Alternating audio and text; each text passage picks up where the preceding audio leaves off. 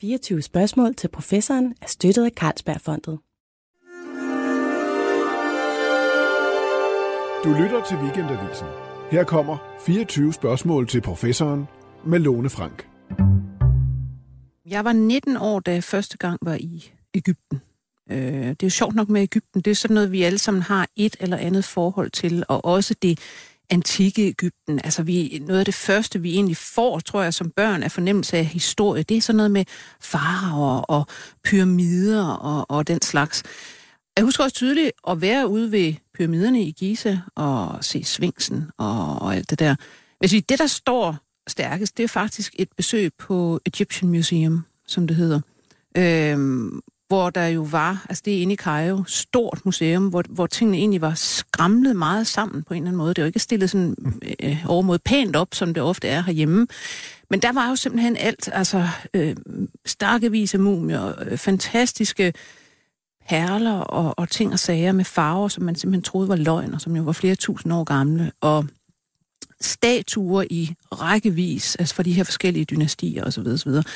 Øh, og jeg kan huske, det, der slår mig derinde, er egentlig ikke så meget... Altså, selvom jeg ser Tutankhamons skatte og hans fantastiske guldmaske der, som jo er billedskøn, så er det det mest, øh, hvad skal man sige, slående, det er det der med at gå igennem, og man finder ud af, at det går op for en, jamen den her kultur varede egentlig i godt 3.000 år.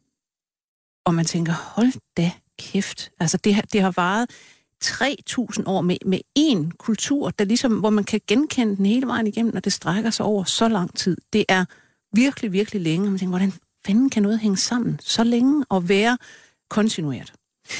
Øhm, så det her med Ægypten, det er simpelthen, øh, jeg synes, det er ufatteligt fascinerende. Og det er et meget, meget svært emne at tage fat på med en time. Men øh, vi gør et forsøg i dag, og dykker selvfølgelig ned i nogle bestemte ting. Og vi skal især kigge på skrift og papyrus og analyser af papyrus og ting i den retning. Og det skal vi gøre med en ekspert. Kim Ryholt, velkommen til dig. Tak skal du have. Du er professor i egyptologi på Københavns Universitet. Ja. Og du har blandt andet øh, siddet i 20 år med en samling papyrus, som er fuldstændig unik, og den skal vi tale meget, meget mere om. Men, øh, men prøv lige at fortælle mig, hvordan man egentlig kommer til at blive egyptolog. Hvordan er din øh, interesse drejet derhen? Jeg tror, der er forskellige veje til egyptologien. Øh, for mange begynder det i en meget tidlig alder.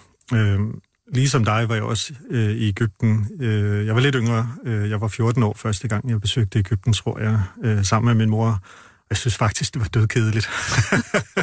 jeg synes, tingene lignede hinanden meget, og der var meget støj, og det, det, det var ikke helt så afslappende, som jeg godt kunne have tænkt mig.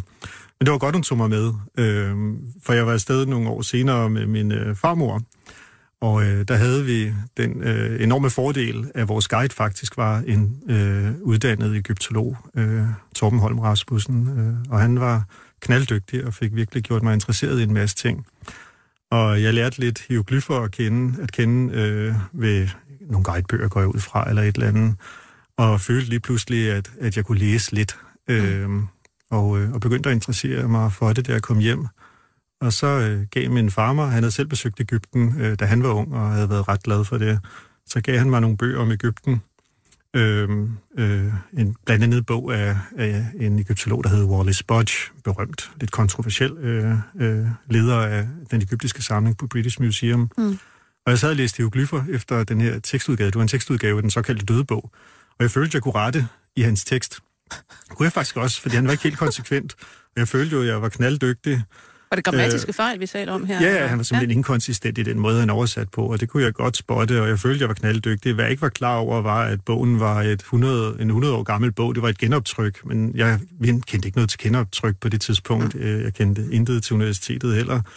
Øh, men Torben tog mig så med ud på universitetet, og jeg havde en idé om på det tid, at Ægypten, det var sådan noget, hvor man fik en idé, og så skrev man den et eller andet sted, og så blev den trygt et eller andet sted. Jeg vidste ikke rigtigt, hvordan det foregik. Det var meget abstrakt. Øh, men jeg var slet ikke klar over, at man skulle forholde sig øh, meget konkret til, hvad andre folk havde sagt, øh, og slet ikke, hvor meget der faktisk var sagt. For øh, jeg kom så ud på øh, det øh, Carsten Nibro Instituttet, som det hed dengang på Københavns mm. Universitet, ja. og det havde vi, jeg tror dengang, vi havde 50-60.000 bøger, det var fuldstændig overvældende, men det var spændende. Øh, jeg fik faktisk et job øh, i, i øh, det, der hed Privatbanken, dengang, da jeg blev færdig med gymnasiet. Jeg havde ikke helt fast besluttet mig for at læse egyptologi, øh, men jeg kunne godt se efter nogle måneder i det job, at det var ikke der, min fremtid lå. Det var simpelthen ikke stimulerende nok. Øh, og så til min fars øh, frustration kvittede jeg mit job øh, i Privatbanken, og, øh, og blev meldt ind på øh, Privatbanken, øh, den blev så også opkøbt senere. Ja, ja, det kunne godt være, at jeg havde været der så. i dag, men øh, jeg er glad for, at jeg valgte noget andet med mit liv. ja, så det gik jeg til med den. Ja. Øhm, men så kommer du ind simpelthen og, og studerer historie? Ja, egyptologi, det er simpelthen en decideret... Det er simpelthen en decideret uddannelse? Det er en fuld uddannelse med, med, i dag med, med bachelorgrad og, og, og kandidatgrad. Ikke? Dengang var der mm. nogle andre titler på. Dengang var det en fireårig uddannelse, i dag er det jo en femårig uddannelse, ligesom alle andre stort set. Ja. Ja, ja, ja det gjorde jeg. Så det er simpelthen hardcore øh, Ægypten fra start til slut af hele ja, studiet? og øh, jeg var heldig øh, i det, at der var et fokus på, på det, vi kalder filologi, altså studiet af, af tekster og, og brugen af tekster til historisk skrivning og den slags. Øh, og, øh, og det var øh, virkelig grundig, hardcore filologisk øh, uddannelse, jeg fik dels i København, og så læste jeg også i Berlin og i Würzburg i Tyskland. Mm hos nogle knalddygtige øh, professorer. Altså øh, tyskerne har jo også en lang tradition for, en stolt tradition for at bedrive egyptologi og Ja, ja både egyptologi og, og, og ikke mindst filologien. Ja. De skabte nogle af de helt grundlæggende redskaber, vi stadigvæk benytter os af i dag. Øh, nogle af dem 100 år gamle nu, mm. men stadigvæk dine redskaber. De langsomt ved at blive erstattet. Så jeg fik en grundig filologisk uddannelse, det er jeg glad for.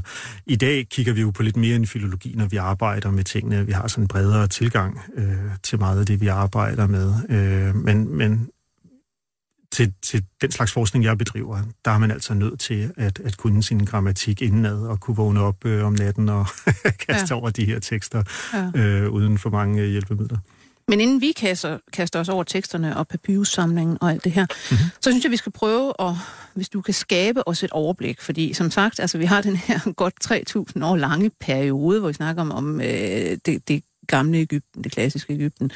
Øh, og de fleste af os har meget, meget, meget lidt fornemmelse af, altså, hvad sker der egentlig i den her tidsperiode? Hvordan opdeler man det? Hvordan skal man se på den her lange periode?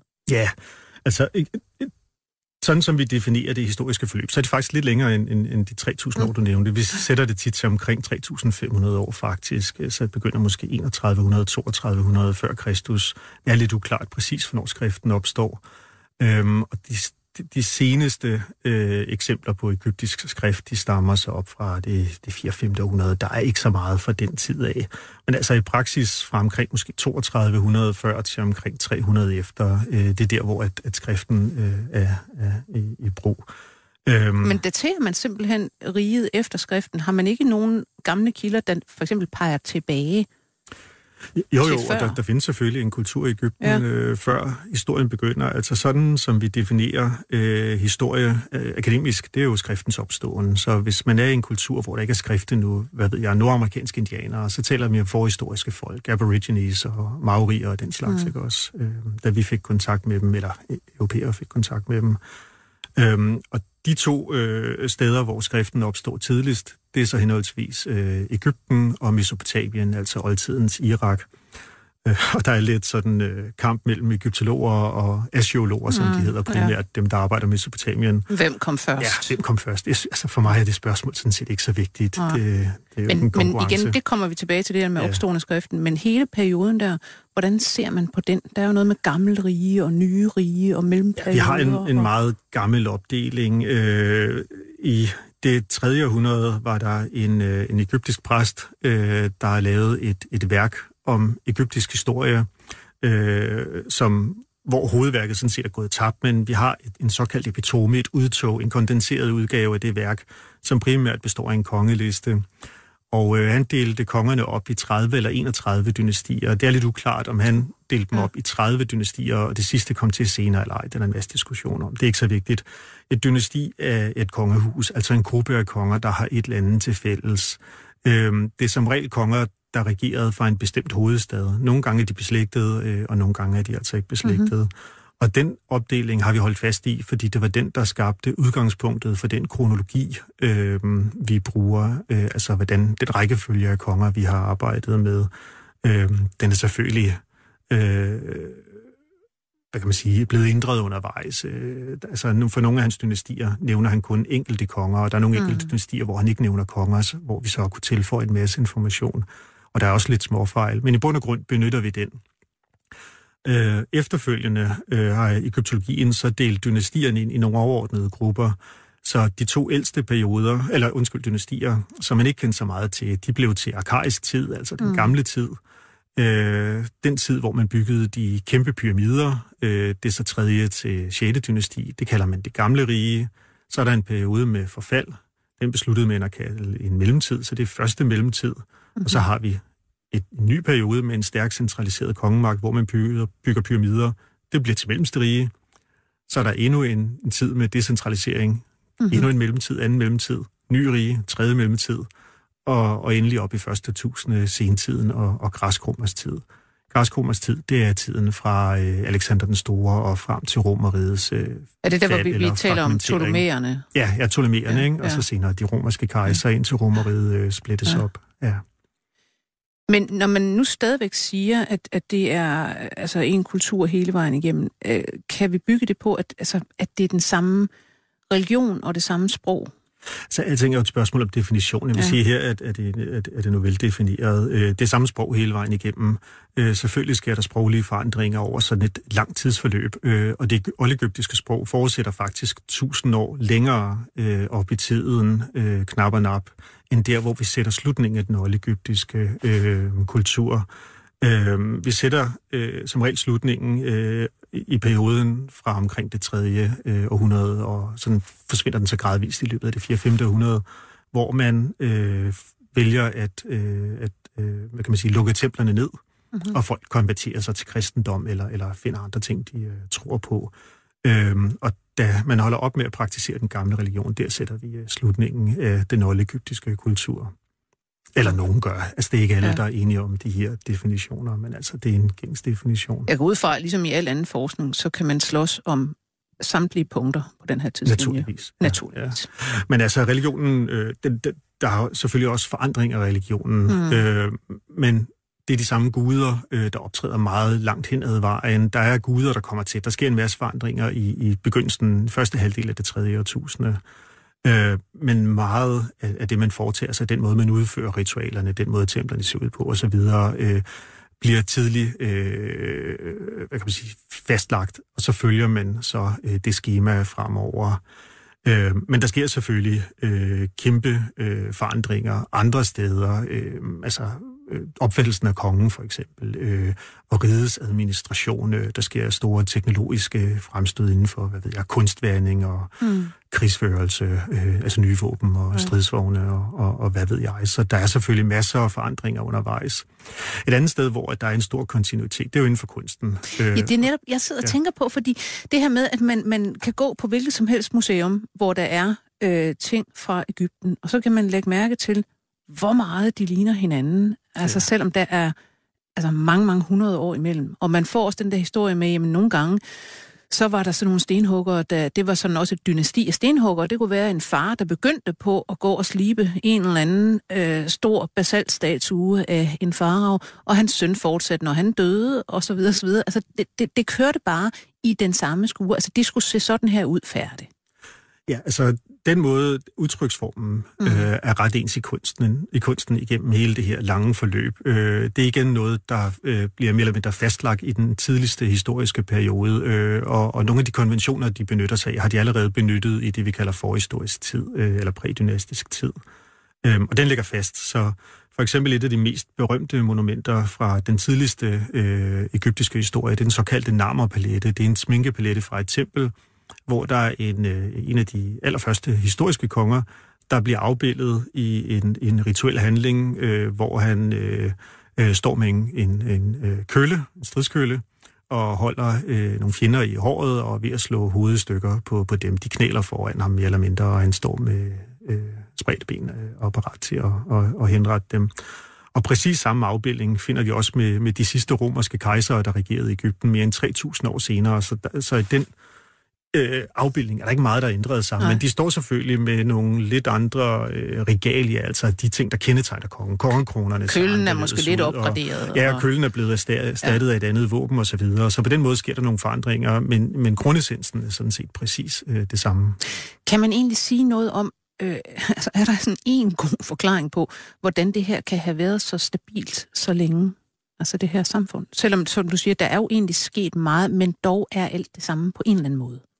Ja, altså det, på et eller andet tidspunkt holder tingene jo op. I Ægypten ja. holdt det jo så op med kristendommens komme, øh, og der kunne sagtens være sket noget tidligere. Øh, Ægypten bliver første gang invaderet af folk udefra øh, omkring øh, i det 1800 øh, før Kristus.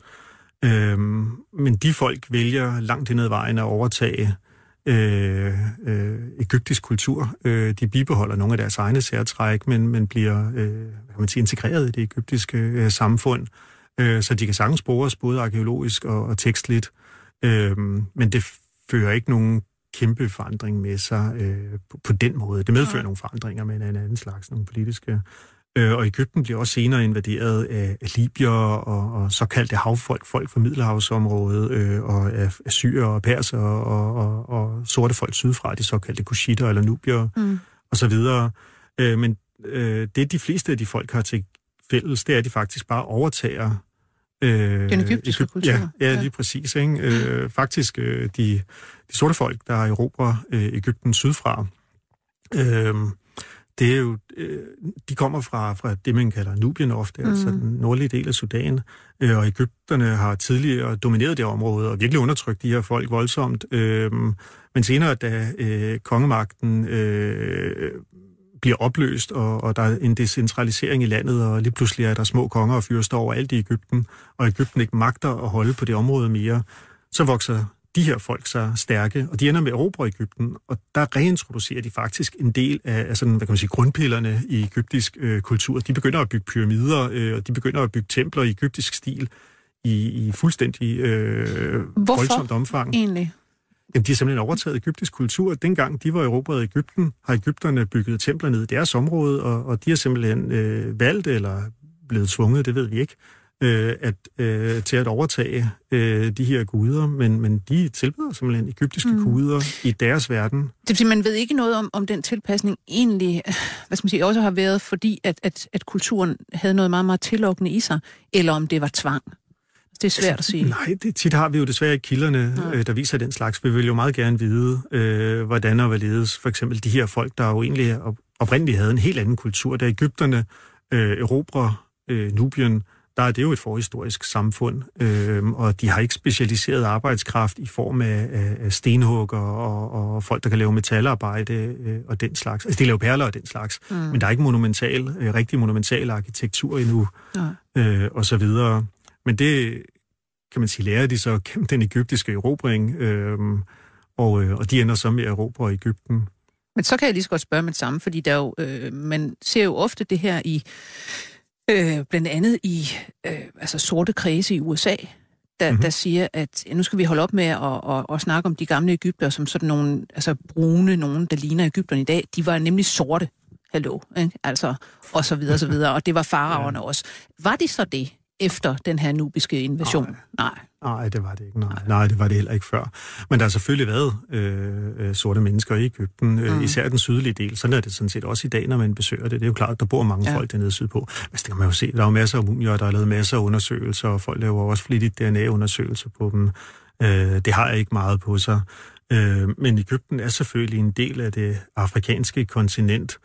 Øh, men det er måske vigtigt at huske i den sammenhæng, at den måde, vi opfatter det afrikanske kontinent på, det er jo en meget vestlig måde at opfatte det på. Vi ser det afrikanske kontinent som en enhed, fordi det, mm. det, altså, fordi det er et kontinent, ikke? Og det er det jo kulturelt men, set men selv, ikke, heller nej, ikke befolkningsmæssigt Og den dag i dag skældner folk altså også meget nøje mellem Nordafrika mm. og Sub-Sahara, altså det sorte Afrika syd for, og de føler ikke noget større slægtskab, når man taler øh, med dem. Øh, det er os, der vælger at smide dem i samme øh, potte. Ja. Men hvis der er noget, den her gamle egyptiske kultur er berømt for, så, så er det jo hieroglyfer. altså, og, og, og det her fantastiske, mærkelige skriftsprog, og papyrus, og så videre. Øhm, og lad os gå tilbage til det her med skriftens opståen, for man må jo sige, som du siger, det er så overgangen, kalder vi det, fra forhistorie til rigtig historie. Nu har vi skriftlige kilder, ikke? nu kan mennesket skrive, og man må sige, det har jo også været et kolossalt tigerspring i menneskets udvikling, at man opfinder skrift og skriftsprog og redskaber til at skrive med. Øh, og, og hvordan ser det så ud her i, i kampen mellem Ægypten og Mesopotamien? jeg vil ikke gå meget ind i den kamp, men altså, der bliver jo der bliver udviklet nogenlunde samtidig to forskellige måder at, øh, at skrive på, og to forskellige skriftsystemer.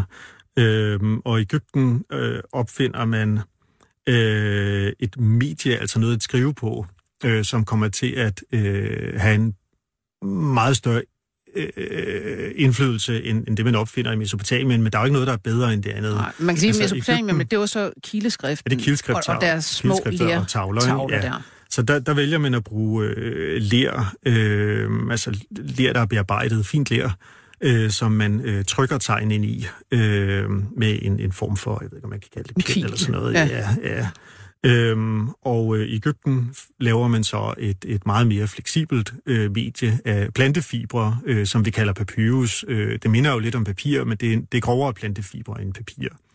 Og hvornår øh, er vi her? Det er så helt tilbage Ja, det er jo så der omkring øh, 31 3200 før Kristus. Øh, før Kristus. Ja, lige præcis.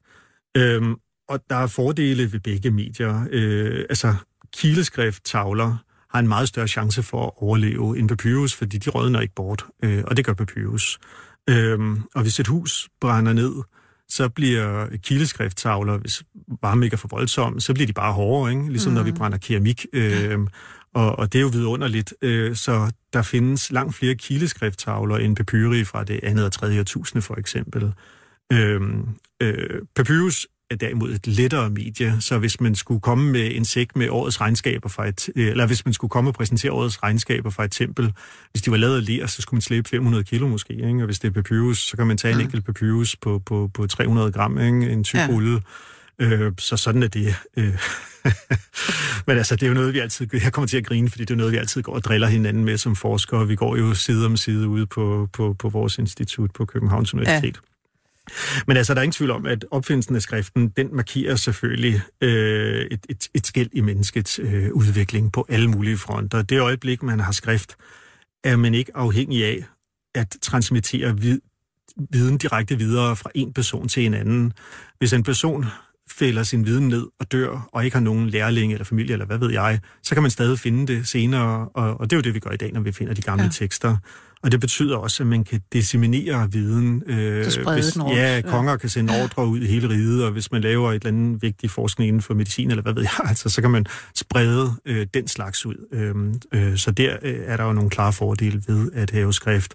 Øh, men begynder også at kunne dokumentere ejerskab af, af, af, af altså, hvad ved jeg, huse og marker og så videre, og så videre, og så videre, ikke? låne gider ud mod rente.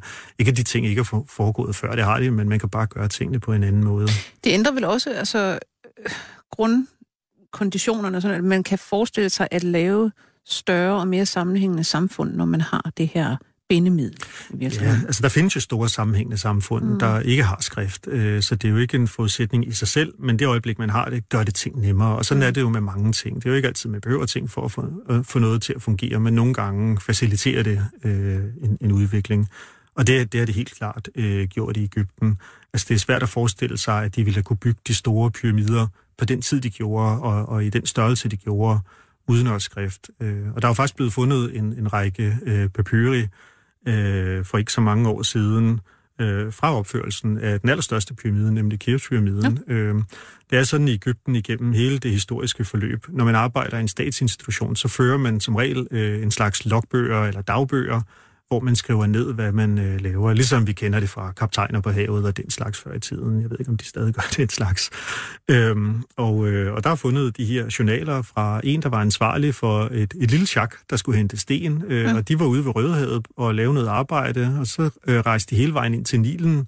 Det gør man ved at, at sætte skibene, og så træsker man gennem ørkenen og ind, øh, og så slæber man simpelthen alt det, man skal have med derind.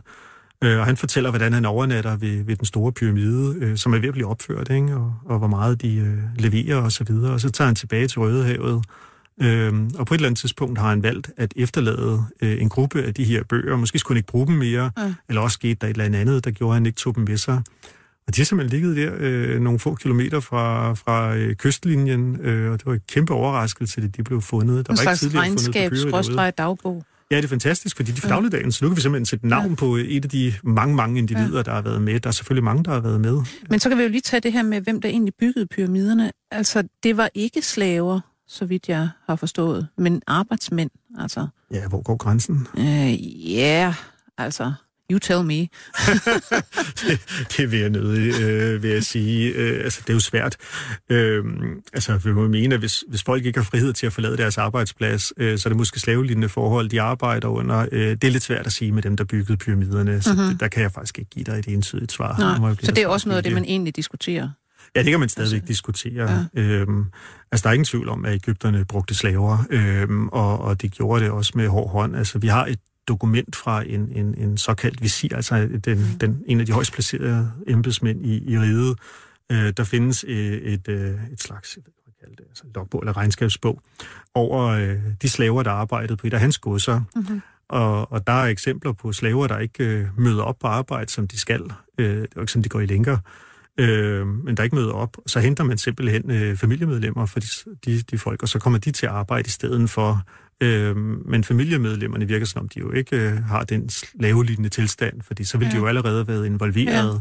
Så det er sådan ikke slaveri, sådan som vi kender det fra Nærmest fra hoveri, måske men, i virkeligheden, ja, eller ja, livegenskab, sådan noget.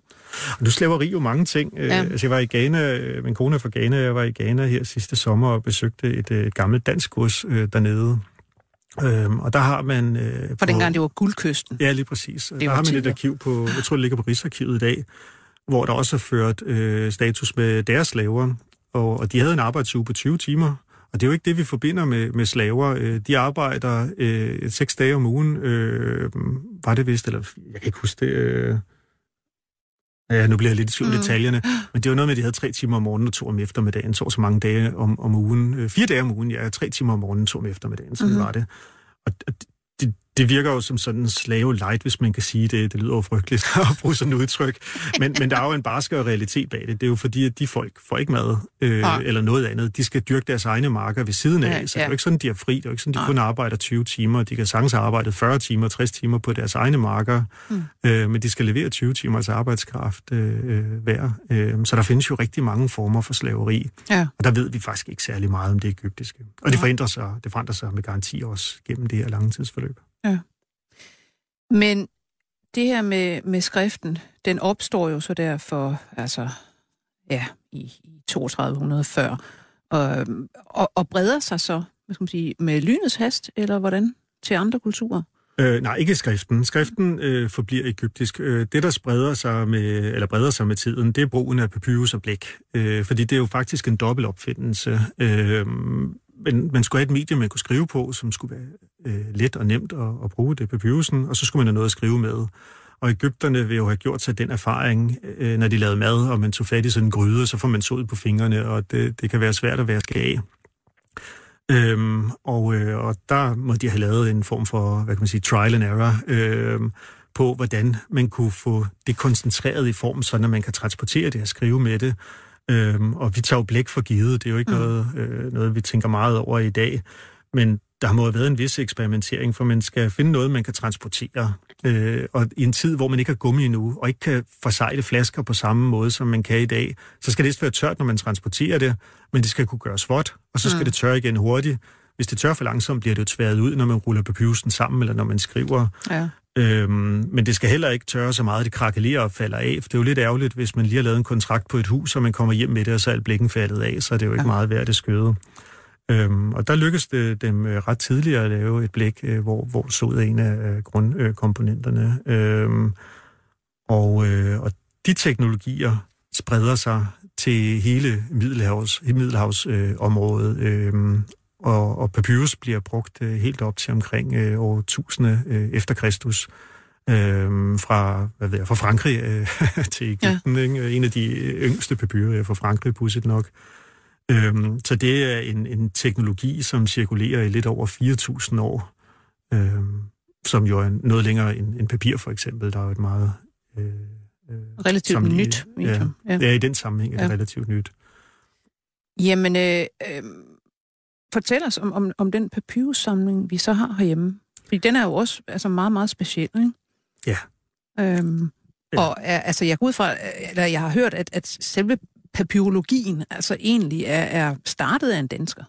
Jamen det er den. Øh, den første person, der fik ideen, at man måske kunne lære noget om oldtiden ved at læse en, en papyrus, øh, var øh, Niels øh, Skov, øh, hed han. Øh, og øh, som var ansat ved Københavns Universitet. Øh, og øh, han arbejdede øh, for øh, kardinal Borgia, øh, som han var blevet introduceret til, at Geo Zoega er også et, et stort navn øh, øh, inden for oldtidsforskningen. Øh, og, øh, og han havde en, en, en forholdsvis stor og, og velbevaret papyrus i sin samling, der var skrevet på græsk.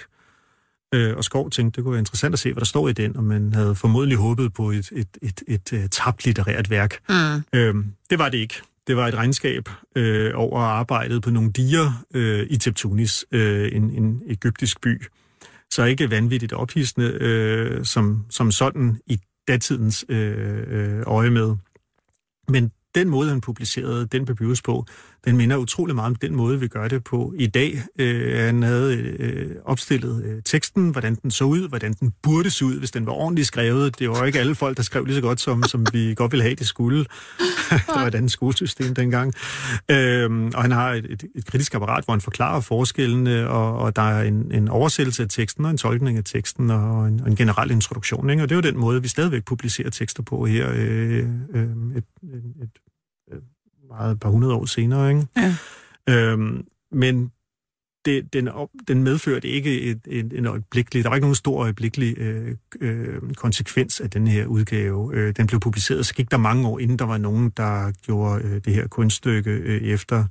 Øh, I dag ved vi jo, at vi kan lære meget mere fra samtidens tekster, end ved at benytte os af, af senere historikere. Det gør vi selvfølgelig flittigt, øh, men de har jo nogle gange deres dagsordner, og de er jo aldrig bedre end deres kilder. Øhm, og det fantastiske ved at arbejde med det gamle Ægypten, og det gælder sådan set også øh, Mesopotamien, det er, at vi har de her tusinder og tusinder og tusinder af kilder fra samtiden, mm. øhm, som giver os en, en indsigt, som er, er svær at få i, i andre kulturer. Der findes andre eksempler på, at man kan den slags, men det er bestemt ikke almindeligt. Øhm, vi ved, at øh, i græskultur og, og, og romersk kultur, der brugte man jo også papyri øh, i stort omfang. Men, men nutidens øh, Italien, øh, Grækenland og, og Tyrkiet og de her områder er så fugtige, at, at stort set alt papyri er, er rådnet bort. Så selvom øh, det store, øh, altså det romerske imperium har krævet millioner af, af, af papyri for at, at kunne køre det her Der har været store arkiver og, og mange i administrationen osv. Og, og i Grækenland er der fundet øh, to papyri. Øh, mm. Det er det. Og i, i, øh, i Italien er der gjort et fund. Det er så et ret stort fund. Det er en villa, hvor der blev fundet øh, omkring 1800 øh, forkullede papyri, men de er kun bevaret, fordi de var forkullede. Det samme gælder dem, der er fundet i Grækenland. Det er lidt ligesom, hvis man ruller en avis for stramt, når man skal tænde op i brændeovnen, ja. øh, så får man sådan en forkullet... Øh, ja, det, på samme måde kan papyrus også overleve. Mm. Når de bliver forkullet, så forsvinder det organiske materiale, så de ikke øh, rådner. Øhm, men det vil sige, at vi kan ikke gå ind til en, en, en græsk by, øh, altså i Grækenland i hvert fald, det moderne Grækenland, eller en romersk by, det moderne Italien, eller de områder, der ligger opad, og finde et arkiv, der fortæller os om beboerne i den by. Det er simpelthen ikke muligt. Ja. Så der er vi meget mere afhængige af generaliseringer, øh, end vi er i, i Ægypten og, og Mesopotamien. Øh, og nu nævnte jeg, at den her papyrus skov publicerede, den, den øh, vedrørte en by, der hed Teptunis, og det er pudsigt nok der, at de fleste papyri i vores papyrussamling stammer fra. Det Vestskov ikke noget om. De blev først købt længe efter hans død. Øhm, og den by, hvor jeg øh, selv har været tilknyttet udgravningerne i en overrække, øh, det er faktisk den by, hvor at vi i dag finder flest papyri øh, helt suverænt øh, i, i Ægypten. Jeg tror, vi finder flere papyri i den ene by end i hele resten af Ægypten øh, i dag. Og der har man altså fundet papyri igennem mere end 100 år nu. Øh, den er utrolig veldokumenteret. Så når jeg arbejder med tekster for den her by, Teptunis, øh, så øh, møder jeg meget ofte folk, jeg kender i forvejen, så jeg kender mange af dem. Jeg kender dem faktisk bedre end beboerne i, i den forstad, jeg selv Det er ligesom bor i. at, at finde sådan, nå for søn her er Lars Larsen igen, og Lige præcis, nå for søn, de fik Og- fire børn, kan Ja, jeg se præcis. her. Og det var ham, Ja. hans datter, ja. blev gift med, ikke? Ja. Og, og så videre. Og, og det er jo fantastisk. Øh, og det betyder, at man kan lave en, en form for mikrohistorie. Altså historie handler om generalisering, men, men man kan generalisere på forskellige niveauer. Man kan generalisere så meget, at, at, at, at det bliver enormt vagt, det man har med at gøre. Altså et gennemsnit er et gennemsnit, ikke? Øh, hvad er en dansker er nu 2018, ikke? Altså, vi lever jo meget mm. forskelligt, vi hører til forskellige samfundslag, vi bor forskellige steder og så videre. Øhm, og sådan var tingene også i oldtiden. Øhm, men når man kan gå ned på et byniveau, og man forstår byens karakter, øhm, og man ved, hvor man er henne øh, histo- øh, historisk, øh, så kan man simpelthen lave en helt anden form for, øh, for øh, studier. Men Kim, så synes jeg, vi skal have den her papyrussamling præsenteret sådan ordentligt. Øh, Københavns Universitet ejer øh, en, øh, en forholdsvis stor papyrussamling, øh, som øh, øh, hedder Papyrus Carlsberg-samlingen, øh, og den er simpelthen navn efter øh, Carlsberg, fordi at Carlsbergfondet har øh, sponsoreret eller medsponsoreret øh, samtlige tekster i samlingen stort set. Der er nogle ganske få undtagelser, nogle få foræringer, men altså 99 procent af det er købt ved midler fra Carlsbergfondet, og i de senere år i samarbejde også med Augustinusfonden. Øhm, det er en, en forholdsvis stor samling. Der findes større samlinger, øh, men vores samling indeholder en masse unikt materiale, så det er helt klart en samling i verdensklasse. Det er jo ikke bare størrelsen, men også indholdet, der er vigtigt. Øh, samlingen består af omkring 1.400 øh, papyri, der er blevet inventariseret, og der er stadigvæk materiale, der ikke er inventariseret. Selvfølgelig er alle de store øh, og bedst bevarede tekster øh, for længst øh, blevet inventariseret, men der findes altså materiale, der ikke øh, er, er studeret særlig meget endnu. Men som du sagde øh, før, altså du tager stadigvæk til Teptunis og, Det gør jeg og også, roder ja. og finder nyt, der Ja. kommer ind i samlingen. Ikke i vores samling. Nej, Nå, nej, okay. ikke i dag. Altså, øh, al antikvitetshandel har været øh, forbudt i Ægypten siden 1983, øh, så der må ikke udføres noget. Man må ikke engang udføre prøver uden tilladelse, og det er stort set umuligt at få øh, tilladelse til at udføre selv til træprøver og stenprøver og den slags. Øh, Men hvad sker der så Det- egentlig, når alle mulige, som, som for eksempel du og folk fra andre øh, vestlige lande, tager der ned og graver?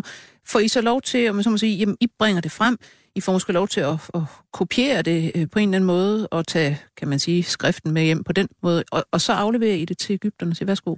Ja, altså jeg graver ikke selv. Vi har arkeologer, der graver på den ekspedition, jeg deltager i, øh, i Teptunis. Øh, men der er øh, arkeologer, egyptiske arkeologer og, og øh, folk fra, øh, fra Vesten, øh, der kommer og graver der. Og min opgave ved den udgravning, det er at komme ned øh, et, et par uger øh, om året, og så kigger jeg alle de, øh, øh de egyptiske papyrer igennem, primært dem, der er skrevet på den såkaldte demotiske skrift. Det er en af flere skrifter, men de fleste papyri fra Teptunis er skrevet på demotisk. Der er også nogle, der er skrevet på, på græsk og, og andre skrifter. Øh, og jeg kigger så de her tekster igennem, øh, og da jeg blev involveret i de her udgravninger, havde de stået på i over 20 år, de moderne udgravninger. Så der var en masse ting, der var fundet før jeg, jeg kom med, som jeg også skulle se igennem, så jeg har kigget altså 10.000 af, af stumper igennem. Nogle af dem er det hurtigt at se igennem, fordi de er meget små, og nogle af dem er større og utrolig spændende. Øhm, men alt det her materiale, det bliver selvfølgelig afleveret til Ægypterne, det bliver registreret og dokumenteret, det vil sige, at man tager billeder og måler osv. Og så, videre, og så afleverer man det til den egyptiske antikvitetstjeneste, som så øh, øh, enten lægger det ind på et af deres lagre, hvor man kan komme til det, eller hvis det er tilstrækkeligt spændende, bliver det øh, sendt til en museum og udstillet. Ja. Så det er deres. Og det bliver aldrig, du sidder aldrig og tænker, oh, endnu en indkøbsliste, eller endnu en, ja, det her har jeg set før.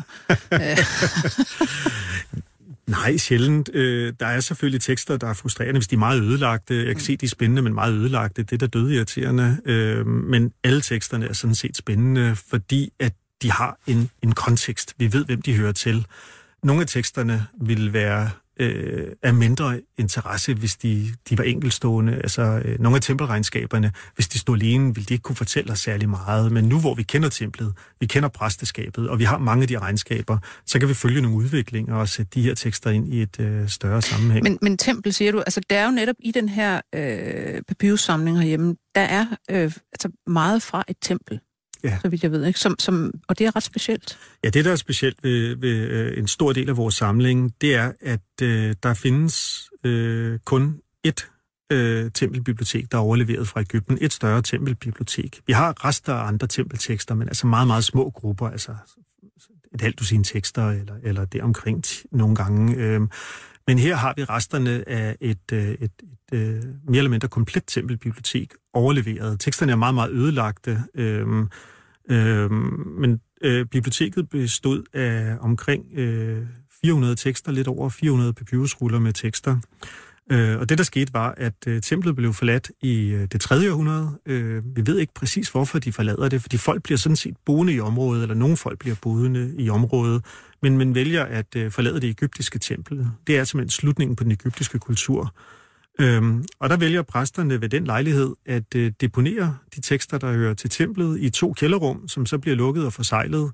Mm. Øhm, men Som en grav nærmest? Ja, det kan man sige, men de får ikke lov at bare hvile i fred. Øh, fordi det, der sker, når et område bliver lukket, og der er ruiner, altså, ligesom vi kender det fra forladte fabriksbygninger i Danmark og, og forladte huse rundt omkring i verden osv., osv., øh, det er jo, at folk øh, øh, rykker ind og ser, om der er noget af værdi. Øh, og, og der har selvfølgelig været det, vi kalder squatters, altså folk, der er, er taget ind og har rodet alt igennem. Og de har også rodet de øh, krukker eller bokse, de mm. her papyri har ligget igennem, så tingene er jo kastet ud, og folk har været på det, og papyrus bliver tørt med tiden. Så de er frygtelig ødelagte. Men fordi at det her resterne er det eneste tempelbibliotek, vi har for oldtiden, så er det utroligt spændende. Altså, det er, jo, det er jo sådan, at du kan sammenligne med, i vigtighed med, ja, i hvert fald Tutankhamons grav, eller... Altså, jeg vil synes, det er langt vigtigere, ja. men det kommer an på igen, hvad, hvad øjne man ser mm. det med. Hvis man kigger, øh, hvis man sidder som turistminister, så vil man jo hellere have et, et fund eller Tutankhamons grav, det er klart. Øh, men for forståelsen det, det af, af kulturen? Ja, Tempelbiblioteket her fortæller ja. os øh, uendelig meget mere, end vi kan lære af Tutankhamons grav. Det er der ingen tvivl om. Øh, det, Tempelbiblioteket øh, indeholder simpelthen alle den form for litteratur, man forventer og lidt til. Altså øhm, religiøse tekster og fortolkninger? Ja, så der er, og... altså, tit når vi ser øh, religiøse bygninger i dag, øh, hvis vi besøger altså, forskellige ruiner øh, rundt omkring i verden, så har vi en idé om, hvad der foregår i sådan meget grove træk. Men i det her tempelbibliotek, der har vi øh, religiøse tekster af rent praktisk øh, karakter, der fortæller, hvordan man udfører alle de vigtigste ritualer hvoraf nogle af dem går, går 1000-2000 år tilbage i tiden, og de fortæller trin for trin, hvordan man gør alt. Øh, sådan at, at præsterne, i hvert fald de unge af dem, øh, har det hele nedfældet øh, på, på, på, på skrift og kan udføre ritualet rigtigt. Det er vigtigt, at ritualerne bliver udført rigtigt. Hvis man udfører dem forkert, er de ikke virksomme, og så risikerer man, at der, der, der, at der, at der er negative konsekvenser. Øh. Lad os lige, altså, øh, kan du i virkeligheden give et billede af, hvad, hvad religionen og de her templer betød? Altså for kulturen som sådan? Altså, ikke, altså religionen gennemsyrer det egyptiske mm. samfund, det gør den, men egyptiske templer har en meget anderledes øh, funktion end, end, end moderne kirker og, og måske og den slags. Øh, og, og religionen er på mange måder fundamentalt anderledes end, end, øh, end, end, end, end, end øh, kristendom og også islam og, beslægtet religion og jødedom. Øh, Øh, der er ikke noget centralt helligt skrift, øh, for eksempel, øh, og der bliver ikke prædiket, der, altså man møder ikke op i templet, og, og der bliver ikke prædiket, og der bliver ikke missioneret, øh, og øh, fordi man ikke har et centralt skrift, øh, så spiller religionen heller ikke samme rolle i lovgivningen, sådan som, som kristendom for eksempel har gjort. Du siger, den gennemsyrer samfundet. Så hvordan, eller kulturen, hvordan skal vi forstå det? Altså, hvilken rolle har den egentlig? Altså,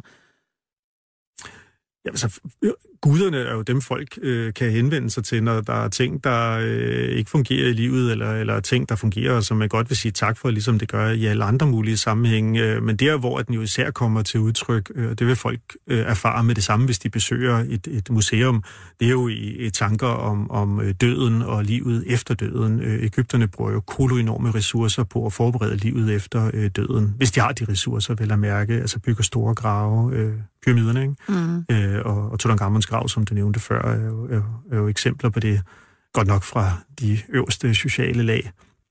Øh, så på den måde spiller religionen øh, en stor rolle. Øh, ja. Men, men, hvad skal man sige, Var den også med til, nu siger du præsterne, der, der er jo ikke nogen, der prædiker, men de udfører så ritualer, altså for at, at, at bringe held til høsten og, og den slags. Ja, hvad, hvad laver de? Ja, ja, altså man opretholder simpelthen en form for orden øh, ja. ved at udføre ritualerne og undertrykker kaos. Øh, og i den litteratur, vi finder i det her tempelbibliotek, der øh, gives der i den fortællende litteratur, altså de fortællinger, de har en slags eventyr, kan man sige, med vores øjne, eller mytologiske fortællinger, mm.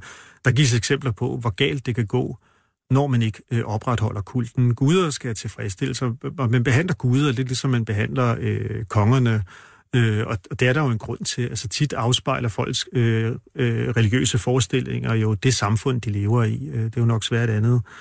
Øh, så guderne... Øh, øh, man har guderne i en form for, hvad kan man sige, det ligner sådan set små dukker, altså små statuer, som er i, i det allerhelligste inde i templet. Og der overnatter de inden. Øh, og om morgenen, så skal de vækkes op, og, og man synger sange for dem, og man parfumerer dem og giver dem mad. Det er jo ikke sådan, man sidder og mader dem, som, som en lille pige, der sidder med sin dukke, øh, for eksempel. Øh, men man gør det på, på rituel vis, så man brænder røgelse af, og røgelsen bliver set som en form for næring til guderne, for eksempel. Øh, og de kommer så ud i procession nogle gange, ligesom kongen viser sig offentligt, øh, og så videre. Og de ritualer, øh, bliver udført dagligt. Øh, mm. Der er simpelthen tre daglige ritualer, man øh, udfører i alle templer øh, over hele landet, og der har jo været flere hundrede templer, så det er jo flere tusind gange om dagen, de her ritualer bliver udført øh, året rundt. Og så er der også nogle store festivaler, hvor at guden bevæger sig hele vejen uden for templet, og folk kan se guden blive båret rundt, lidt ligesom ved nogle katolske processioner og den slags så bærer man gudet rundt på det, vi kalder et gudeskib. Det er altså en borger med en model af et skib. Mm. Grunden til, at man bruger et skib, det er jo, fordi Ægypten er en, en, øh, en, en flodnation, et flodrige. Øhm, så skibe er jo den primære måde, at, at man transporterer folk på. Så det lyder meget som om, at, at man simpelthen har, har haft en, en forestilling om, at hvis vi ikke gør det her, Øh, og hvis vi ikke udfører disse gerninger hver eneste dag og, og gør, hvad vi skal, så, så, så falder tingene sammen. Så jævner det sig formodentlig ja. på samme måde, som hvis, hvis øh, man ikke behandler kongen godt, ja. så kan han sikkert også blive i dårlig humør. Øh, og øh, i en af de fortællinger, vi har fra Tempelbiblioteket af, den handler om en, øh, de handler alle sammen om ting, som Ægypterne opfatter som historiske begivenheder, og nogle af dem ved vi er historiske begivenheder, men altså, de er litterært bearbejdet. De minder meget om om den slags litteratur, vi finder hos Saxo, om de gamle konger og savnkonger og den slags. Ja, lige præcis. Ja. Øh, også om de historiske konger, han er med. Øh, men i en af fortællingerne øh, er der en konge, der ikke får udført et meget vigtigt, øh, en meget vigtig fest for guden Osiris, der er en af de vigtigste guder. Øh, og, øh, og, og Osiris bliver simpelthen så vred, at han sætter sig ned til en forsamling med de andre guder, simpelthen ligesom et rigsråd, øh, mm. og de bliver enige om at straffe øh, Ægypterne, og Osiris er kongen over underverdenen, altså den øverste gud i underverdenen, og, og i den rolle, i den egenskab, øh, befaler, har han, øh, leder han en masse øh, dæmoner og sådan noget, øh, slemme... Øh, Orker? ja, noget i den stil, ikke? Mm. Ja. Og, øh, og han sender så fire dæmoner op øh, for at besætte øh, to af de, de største øh, krigsherrer i Ægypten, og få dem til at slås med hinanden. Øh, og øh, den historiske periode, den her tekst handler om, det er en periode, hvor der er borgerkrig i Ægypten, Øhm, og, og der har man simpelthen efterrationaliseret og forestillet sig, at den konge, der regerede dengang, har ikke gjort tingene ordentligt, øh, og det var gudernes ønske, der skulle være borgerkrig, så det er sådan set ikke Ægypterne som sådan, men en konge, der har lavet noget forkert, og derfor udbryder den her borgerkrig. Øh, og det er jo en interessant øh, måde også at, at arbejde med sin historie på. Ikke? Mm. Øh. Men er det så i et af de her øh, mellemperioder, hvor du snakker om, at der var faktisk forfald? Øh, ja, det er det. Det er, det er tredje ja. mellemtid. Mm. Ja, ja, ja, det er det. Jamen altså, ja. Det, men det lyder også som om, at, at den, hvad skal man sige, altså, den anden verden, altså det, der kommer efter døden, har været meget levende. Jamen, det har det også. Men det er ikke det, vi arbejder meget med i Papyrus-samlingen. Altså, det er, jo, det er jo andre forhold. Vi har en masse tekster, der, forhandler, der handler om, hvordan man udfører de forskellige ritualer, og der er også en masse mere teoretiske værker, der fortæller om, hvordan gudeverdenen hænger sammen. Øh, det fortæller om kosmos for eksempel, øh, hvordan det, det, kosmos skal opfattes, og, og så videre, og så videre. Øhm, det mere overraskende, vi har i samlingen, øh, det er, at der er så mange øh, fortællinger. Øh, der er cirka øh, 70 fortællinger, hvor et halvt hundrede handler om, om forskellige øh, historiske personer og, øh, og begivenheder. Øh, og det er dem, jeg især har specialiseret mig i selv. Hvis du skulle tage, øh, fordi vi desværre ikke har så lang tid til Nej, af denne udsendelse, men, ja. men hvis du skulle tage sådan et, en, en fortælling, som du virkelig synes er interessant. Altså, der er en, der er min suveræn yndlingsfortælling, og det skyldes, at øh, jeg som øh, ung øh, kandidat øh, blev bedt af, af min primære mentor, øh, Paul John Fransen, øh, også øh, egyptolog ved Københavns Universitet. Han bad mig om at fokusere på demotisk. Han sagde, at det var der fremtiden lå. Og jeg synes, at den demotiske skrift, øh, det var, det var lige sent nok. Det er en skrift, man bruger i de sidste tusinde år af den egyptiske historie, øh, eller kultur. Øhm, og for mig var det, det ved jeg ikke, det var, det var lidt mindre egyptisk end alt det andet. Det er jo sådan noget Øhm, nyt noget. Ja, ja, det var lidt for moderne for, for min smag, og sådan er der mange, der har det i, i dag også. Øh, men det viste sig at være den rigtige vej at gå, og jeg lærte hurtigt at elske den her skrift. Men han foreslog, at jeg skulle bearbejde en tekst fra samlingen, og, øh, og det er en svær skrift, øh, og der er ikke særlig mange, der læser den øh, på verdensplan, øh, og flere i dag end dengang, øh, men den er meget svær. Og tænkte, hvordan søren skal jeg gøre det? Altså, fordi der er, som jeg nævnte, har vi fra Tempelbiblioteket, er der cirka 400 tekster, og de er blandet sammen. Mm-hmm. Øh, så du skal forestille dig, at altså, ligesom hvis du tager 400 puslespil af forskellig størrelse, og smider op i en stor container, og så blander du dem alle sammen, og smider 80-90 procent af brækkerne bort, og så skal du samle dem. Øh, men der er ikke nogen øh, forsider med billeder, du kan arbejde efter. Sådan er det at arbejde med den her papyrussamling. Det er et gigant puslespil. Øhm, og nogle gange har samme skriver skrevet mange tekster, så det er ikke, håndskriften i sig selv er ikke nok. Så jeg fandt en tekst, øh, der var skrevet på demotisk, men hvor at skriveren havde linjeret sine sider. Han havde simpelthen siddet og tegnet linjer med en lineal. Øh, og det var ikke almindeligt for demotiske tekster. Der var kun nogle ganske få tekster, hvor skriveren havde gjort det. Og så var den blank på bagsiden. Nogle gange skrev de på begge sider, men den her tekst var der kun skrevet på den ene side. Og der var kun to tekster, hvor det gjorde sig gældende, så jeg tænkte, det er min tekst, fordi den er nem at sortere. Her kan jeg finde brækkerne og sætte dem sammen. Øh, og det gik over al forventning. Jeg fik virkelig sat mange stykker sammen, og jeg fandt øh, stykker i, i samlinger i udlandet, altså Yale og Egyptisches Museum i Berlin, den store egyptiske samling dernede, og andre samlinger. Og det viste sig, at teksten var faktisk ufattelig interessant. Det er ikke bare min egen øh, holdning, fordi det nu var min, min, hvad sige, min første tekst.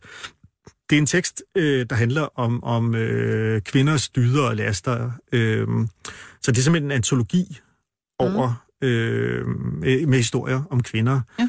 Øh, teksten er øh, ikke forfattet, men samlet øh, af en egyptisk, vi kalder dem profeter, altså en højt rangerende præst, øh, som har øh, er ved at dø, og øh, han har 35 dage tilbage at leve, og han beslutter så, at han vil høre to historier om dagen. En om, om dydige kvinder, og en om kvinder, der er mindre dydige.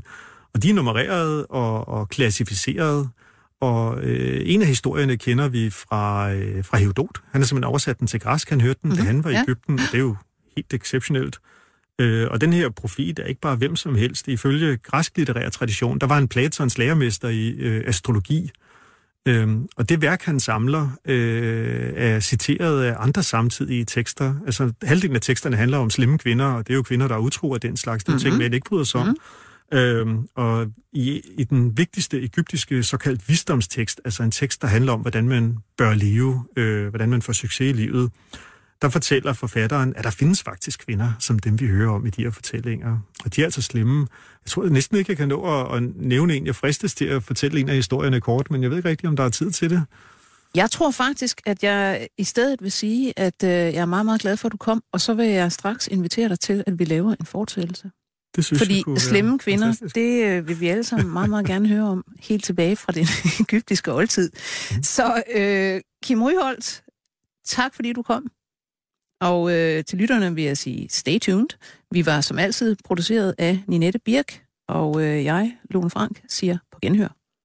24 spørgsmål til professoren er støttet af Carlsbergfondet.